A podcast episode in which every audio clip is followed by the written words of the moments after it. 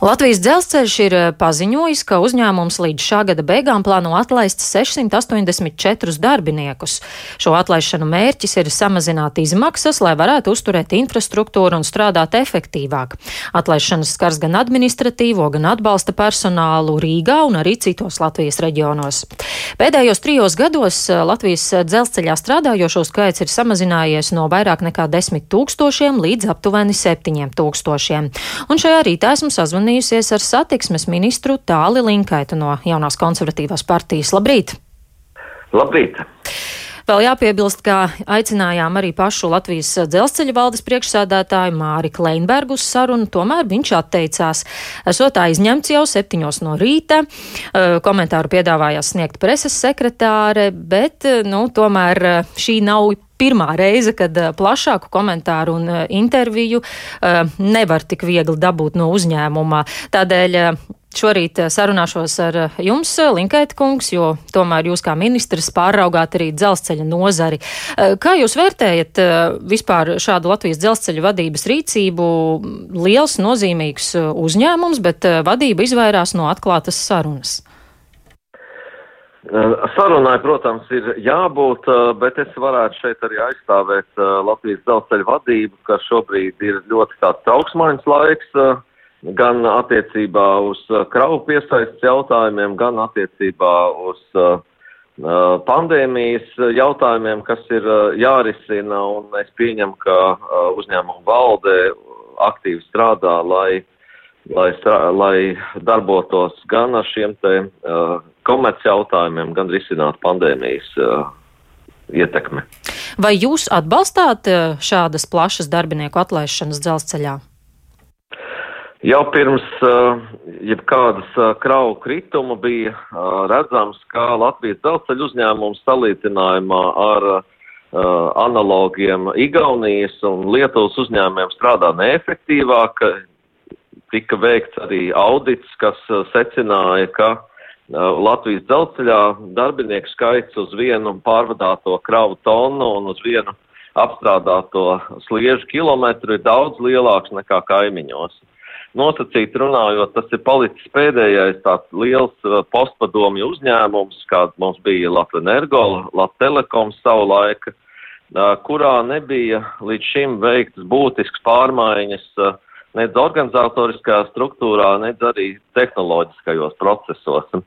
Pagājušo gadu um, šīs optimizācijas process tika uzsākta, šogad tas turpinās, ejot dziļāk jau tieši uh, tehnoloģiskajos un saimnieciskajos procesos, analizējot to, uh, kādas darbības var darīt uh, ar mazāku cilvēku skaitu, kā optimālāk šos cilvēkus izvietot pa visu Latvijas dzelzceļa infrastruktūru.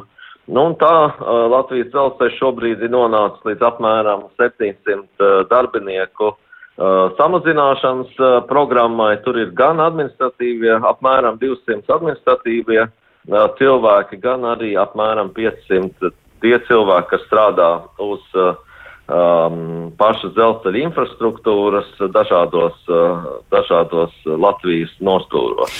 Šāda optimizācija, kad tā varētu būt pabeigta, ir sagaidāms vēl kādas darbinieku atlaišanas, vai šī būs tāda pēdējā lielā? Katru gadu mēs redzam, ka šis process, protams, iet uh, mazumā, jo, jo um, atrast uh, un, un optimizēt uh, paliek arvien grūtāk, tiek analizēti visi procesi, bet es neizslēdzu, ka arī nākotnē, arī nākamgad un aiznākamgad vēl tiks meklēti veidi, kā optimālāk strādāt līdzīgi tā, kā tas notiek Lietuvā un Igaunijā. Jā, tā tad iespējams varētu būt eh, vēl kādam dzelzceļa darbiniekam darbs jāzaudē. Uh, par kravu apgrozījumu nav noslēpums, ka pandēmija arī dara savu, kravu apjoms krīt. Eh, cik veiksmīgi tiek piesaistītas jaunas kravas? Kas notiek, piemēram, ar Ķīnu sadarbībā? Attiecībā par kravu um, piesaisti jāsaka, ka tas nav ātrs process, tomēr uh, mēs redzam uh, diezgan labus panākumus uh, tā sauktā kontreileru uh, jomā. tātad pārliekot kravas no, no ceļa uz dzelzceļu, pārliekot traileru pārvadājumus. Šie jau kļuvuši par regulāriem pārvadājumiem no Rīgas uz Ventspili un uz Liepāju. Tāpat arī um, uh, tranzīta kravu pārvadājumi, kas tiek veikti no Krievijas uz uh, no Krievijas, uh, Sanktpēterburgas un Maskavas uz Kaļiņingradu. Arī šie pārvadājumi ir iesākti un, manuprāt, veiksmīgi notiek.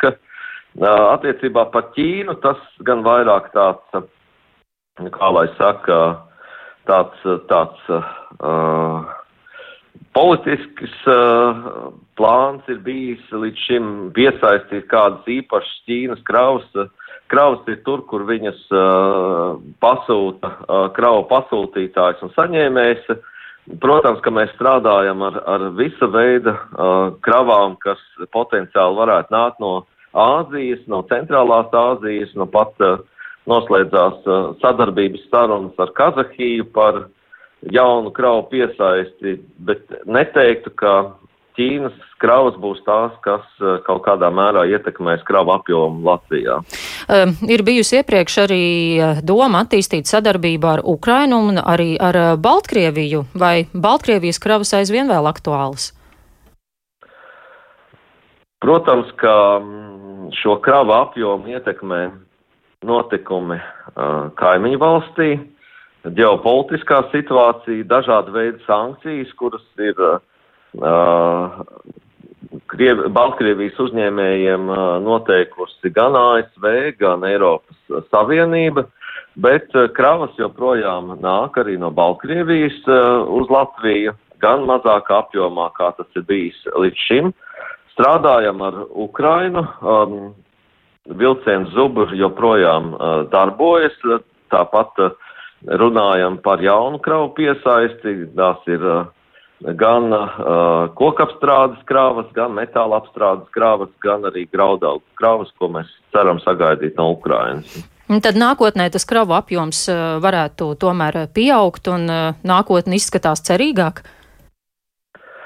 Kravu apjoms varētu stabilizēties tajā apmērā, kāds ir pat laban. Mēs redzam, ka Daudz ko nosaka ne tikai ģeopolitiskie faktori, bet arī uh, cenas dažādiem izējumateriāliem pasaules tirgu. Mēs redzam, ka, piemēram, pēdējā ceturksnī uh, atgriezušās ir ogļu kravas, kas, kas kādu laiku Latvijā nebija, ņemot vērā tieši augstās uh, cenas pasaulē uh, energoresursiem. Uh, tā kā, manuprāt, pie katras šīs te kravu tonnas ir jāstrādā, un tad uh, šis kravu apjoms arī saglabāsies uh, tāds, eh, kuru mēs varam uh, apstrādāt uh, caur Latvijas ostām un uh, caur tranzītā no uh, mūsu kaimiņu valstīm uz, uh, uz uh, mūsu uh, citiem partneriem.